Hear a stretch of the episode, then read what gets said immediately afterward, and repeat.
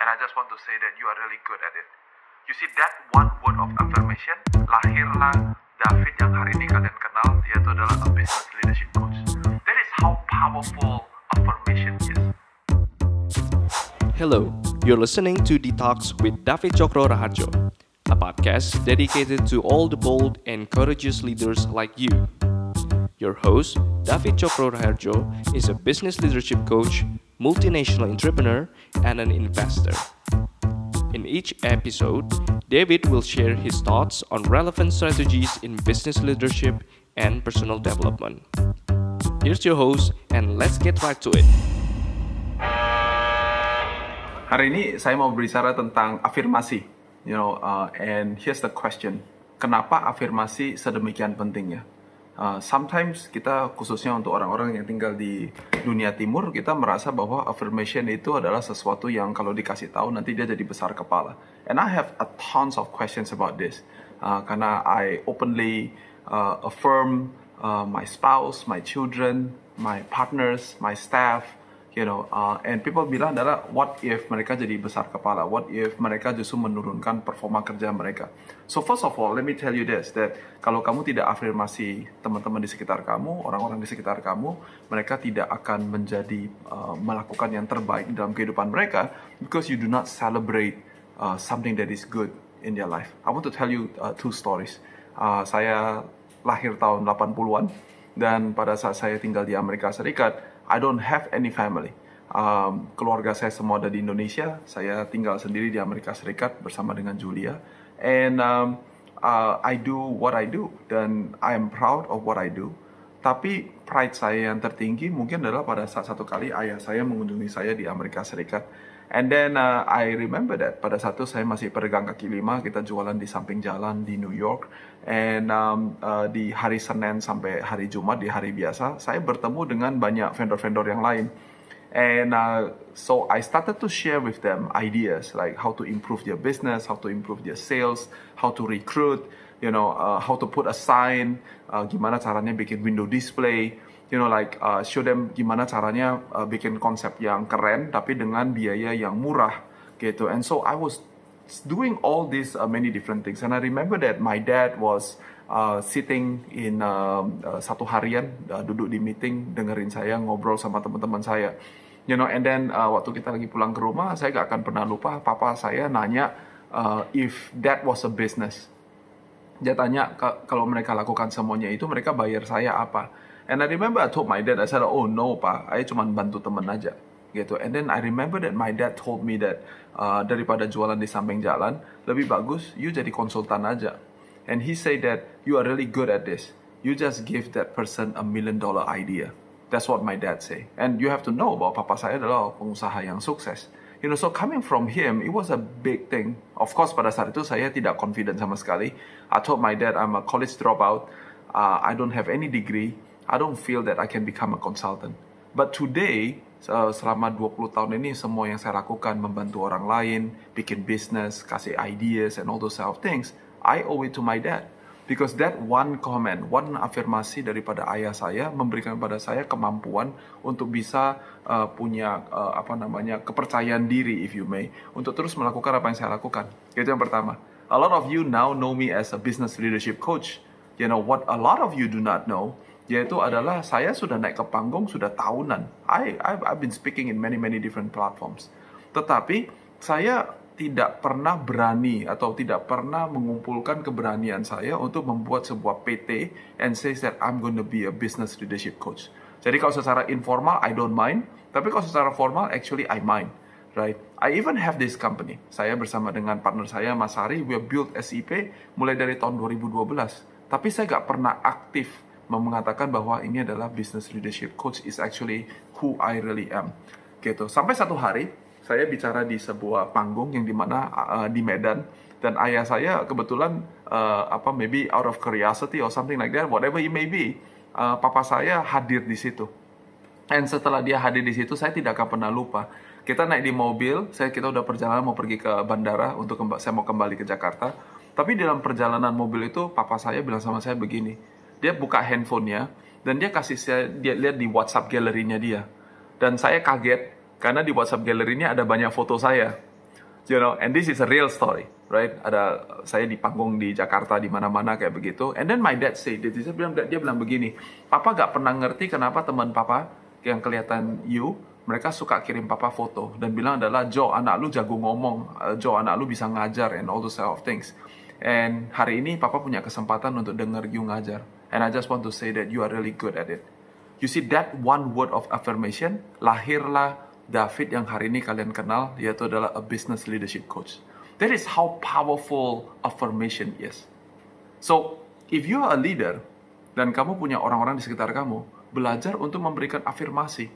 If you want to see the best potential of your people untuk menjadi realisasi, you have to kayak nyiram gitu karena tempat di mana kita menyiram di tempat itu terjadi pertumbuhan. So I hope this is really useful for you. Nah, ada tiga pemikiran saya tentang afirmasi and I hope you want to do it in your life. Yaitu yang pertama adalah kontekstualisasi.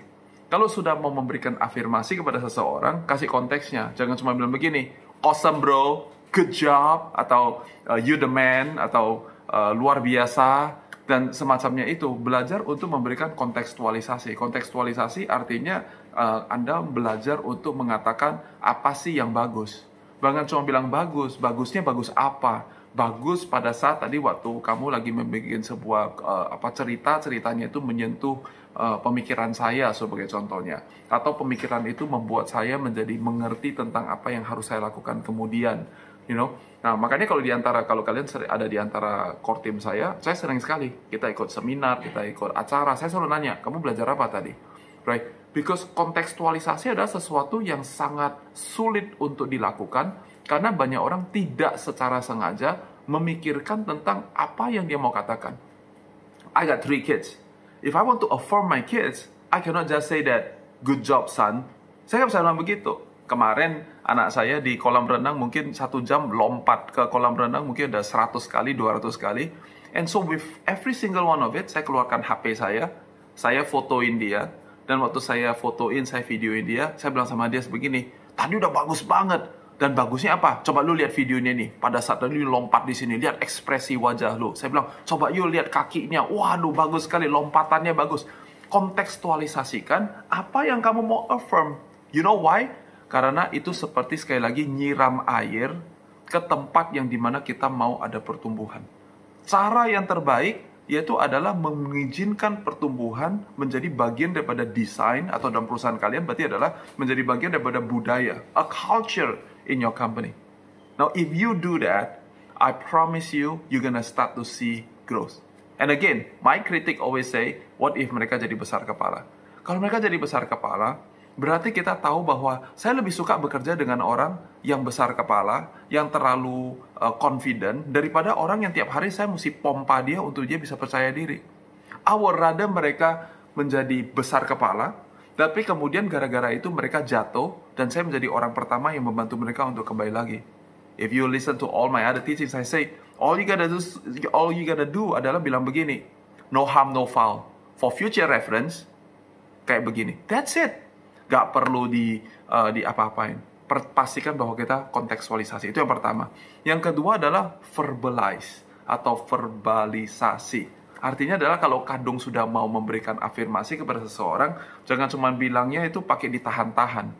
Uh, you, know, you know what I mean? Uh, kadang-kadang ada orang bilang, oh my God, you are so beautiful today, you punya. Jadi kalau ngomong sesuatu itu ngomongnya itu di verbalize, jangan ditahan-tahan pujiannya, right? Uh, karena uh, gak ada, saya belum pernah ketemu dengan satu orang pun di dunia ini yang if I verbalize my compliment, I verbalize my affirmation buat orang itu, kemudian dia bilang adalah lu jangan gitu dong, nanti saya jadi besar kepala atau dia malah jadi marah-marah atau dia unfriend saya atau unfollow saya.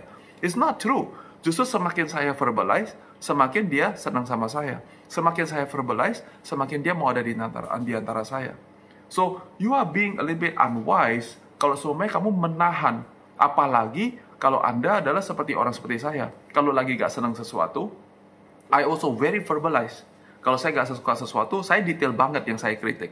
I go to the very little little details and say what I do not like about it. Right now, I'm working to do a design for my uh, untuk nama saya David Cokro Raharjo, and and and the designer I think is uh, rambutnya mulai rontok gitu karena sudah di udah revisi yang keempat atau yang kelima kali and I still have a problem with every single thing about it. Saya yang bilang saya mau uh, bulat, habis keluar bulat saya bilang adalah kurang bagus. Dia udah bikin saya bilang masih kaku. Udah kaku nanti apalagi and I have a lot of things I wanna do. So what do I have to do to affirm this person?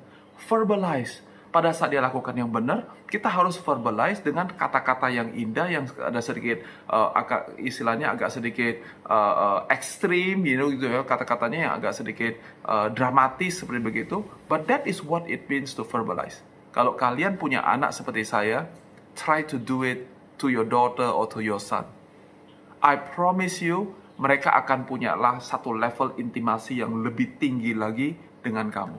If you have never done it before, I challenge you right now to do it in your house. Itu sebabnya walaupun saya seorang ayah yang cukup disiplin, sangat disiplin if anything, but I verbalize my love, I verbalize my affirmation to my children. Oleh karena itu, dia dekat sama kita. Anak laki saya semuanya masih rangkul-rangkul saya. They still kiss me. And because of what? Because you verbalize what it is that you want to see growth. Itu yang kedua. Okay, you ready for number three? Yang ketiga adalah publicize. Okay, and this is something yang I find a lot of people don't do. Justru semakin yang internal kepada dia, afirmasinya semakin gak publicize. You know, they never talk untuk kalau seperti orang seperti saya. Berarti uh, Davidnya gak pernah publicize afirmasinya kepada tentang istrinya, tentang anak-anaknya, tentang partnernya, tentang teman-temannya, tentang staffnya. You keep it all in the secret. Instead, what do you publicize? You publicize again ya, gak ada salahnya, but you publicize your mobil, you publicize your rumah, you publicize naik pesawat merek apa, publicize you pakai handphone merek apa, publicize naik kelas apa, first class for example, publicize, you publicize everything else except one thing. You did not publicize the affirmation that you actually have for your spouse, for your girlfriend, boyfriend maybe, for your partners, for your staff, for the things that actually matters. So now, if you want to do affirmation, kalian tahu bahwa penting untuk melakukan afirmasi. Pertama, kontekstualisasi. Yang kedua, verbalize. Yang ketiga, publicize. Oke? Okay? Belajar. Belajar. Dan sekali lagi, if you ever see my Instagram or you see the things that I do on the stage, when I when I talk about my wife, I don't only kontekstualisasikan, saya bukan hanya verbalize, but I publicly affirm my wife in front of everybody. Dan oleh karena itu, by the way, ada efek sampingnya. Itu membuat saya memiliki apresiasi yang tinggi terhadap istri saya, anak-anak saya, partner saya, dan staff saya. That is just the realization. Jadi itu pedang bermata dua, bukan hanya orang yang kita affirm menjadi bertumbuh, potensinya menjadi sampai di tempat tujuan, tapi itu juga memberikan kepada saya apresiasi yang lebih tinggi kepada orang tersebut. So those are the three things, and as usual, there is a three plus one. Jadi plus one-nya adalah you have to learn to encourage yourself. Afirmasi pada akhirnya, kalau kamu menunggu adalah untuk orang lain yang mau memberikan kepada kamu afirmasi, kontekstualisasinya, verbalisasinya, dan publi, uh, publicationnya, um, my answer is that you are not not always on that spot. You have to learn to encourage yourself. So banyak orang tanya sama saya adalah Fit pernah gak merasa gagal, merasa jatuh, merasa uh, down, you know, and all those of things. And I always tell people, I say, no, I don't. Uh, I am blessed karena ada orang-orang yang affirm saya di dalam sepanjang kehidupan saya. But there are days though, yang di mana saya tidak um, merasa sendirian, you know. And when that happens, you have to learn to encourage yourself. Now, here's my trick. My trick adalah you gotta name your affirmation when you want to encourage yourself. I'm gonna give you one example. Example saya adalah tujuan tu, saya punya slogan kehidupan saya adalah getting you there. It's not about getting me somewhere. It's about getting you there, right? It's a very very difficult job because I'm still a human being. Kadang-kadang I can be egoistic. I want to take care of my own needs. And so when I want to encourage myself, I remember this one thing, yaitu adalah Pir Wandes Purba. So Pirwandes Purba adalah seorang teman yang saya ketemukan pada saat saya sedang berada di sebuah kota uh, yang kecil uh, dan kemudian saya tinggal di rumah orang tuanya. Rumah orang tuanya ini adanya di kolong jembatan dan saya tinggal di situ selama satu malam. Malam itu saya tidak akan pernah lupa saya dijamu oleh pemilik rumah dan dijamu dengan dikasih nasi yang panas, dikasihin telur mata sapi satu biji, dan ditaruhin garam sama ditaruhin sambal. So that is what dinner looks like di rumah orang itu. Uh, si kawan ini kebetulan punya beberapa anak, dan saya bisa lihat anak-anaknya semuanya liatin saya. Makan nasi sama telur goreng. Saya datang dari keluarga menengah ke atas. Nasi dan telur goreng is a very simple food. But untuk anak-anak yang tinggal di bawah kolong jembatan di Indonesia, nasi dan telur goreng itu adalah sesuatu yang luxurious. I start to understand what is the importance of beras dan telur gara-gara tinggal di kolong jembatan. So now, I met this kid, Pirwandes Purba, dan dia pada saat itu uh, banyak masalah secara uh, kehidupan. Uh, saya masih ingat saya coba membantu dia untuk merubah pikiran dia tentang orang tuanya, tentang kehidupan, and so and so and so on kayak begitu. You know, uh, saya tinggal situ satu malam, saya kembali ke kota Medan. Beberapa tahun kemudian saya pindah ke Amerika Serikat, saya sekolah di sana. Satu hari di kira-kira tahun 2000-an, saya down banget. Dan di dalam masa yang down sekali itu, uh, kira-kira jam 2 pagi, jam 3 pagi, saya merasa um, ada satu suara, ada, ada, ada suatu uh, insting gitu ya. Uh, you call it spirit maybe, you call it Tuhan, I don't know what you want to call it. Tapi buat saya adalah saya merasa bahwa ada uh, Tuhan yang berkata kepada saya untuk membuka email saya. Dan pada saat saya membuka email saya, ada email di baris pertama. Sebuah email dari orang ini, yaitu namanya Pirwan Despurba. Dia tulis dengan a broken English dan dia tulis begini. Hi David, my name is Pirwan Despurba. I just want to tell you that you have impacted my life. Dan dia katakan bagaimana sekarang dia sudah masuk di dalam kuliah dan kemudian dia sekarang sedang uh, meniti karir dia and so on and so on. Saya masih ingat pada malam itu subuh jam 2 pagi saya nangis dan saya merasa sekali lagi um, you know if you know me you know that uh, saya Nasrani dan I believe in my God a lot. Saya merasa bahwa Tuhan berbicara pada saya dan katakan adalah kalau nanam sesuatu itu mesti sabar. Baru nanam udah minta panen karena pada satu saya down banget. Saya merasa adalah saya udah memberikan yang terbaik dan saya di backstep sama orang lain. You know. Malam hari itu menjadi perubahan hidup yang terbesar dalam kehidupan saya. Mulai daripada hari itu, selama kira-kira 20 tahun belakangan ini, setiap kali saya merasa bahwa udah gua, istilahnya kalau orang Indonesia bilang adalah udah dikasih hati minta jantung. You have to be able to find something in yourself to encourage yourself. For me, is Pirwan Despurba. Saya mengingat bahwa adalah hari ini saya nanam, nanti satu hari saya akan menuai. Yang nuainya kapan? Saya tahu, gitu. Nah, sebagai pengusaha mungkin uh, kita bilangnya adalah ya kalau udah menabur kita harus menuai dengan profit. But see, not everything in life is about profit. Not everything in life is about gaining something. Sometimes in life it is just about living your mission. So for me it's getting you there. Oleh karena itu, saya juga pernah down, saya pernah disakiti oleh orang lain, saya pernah rasanya merasakan apa rasanya seperti saya udah memberikan yang terbaik, tapi kenapa kamu uh, treat me the, the other way around? But when I have to find myself to encourage myself, I remember that name, Pir Wandes Purba. Mudah-mudahan kalian juga punya cara tertentu untuk bisa encourage yourself.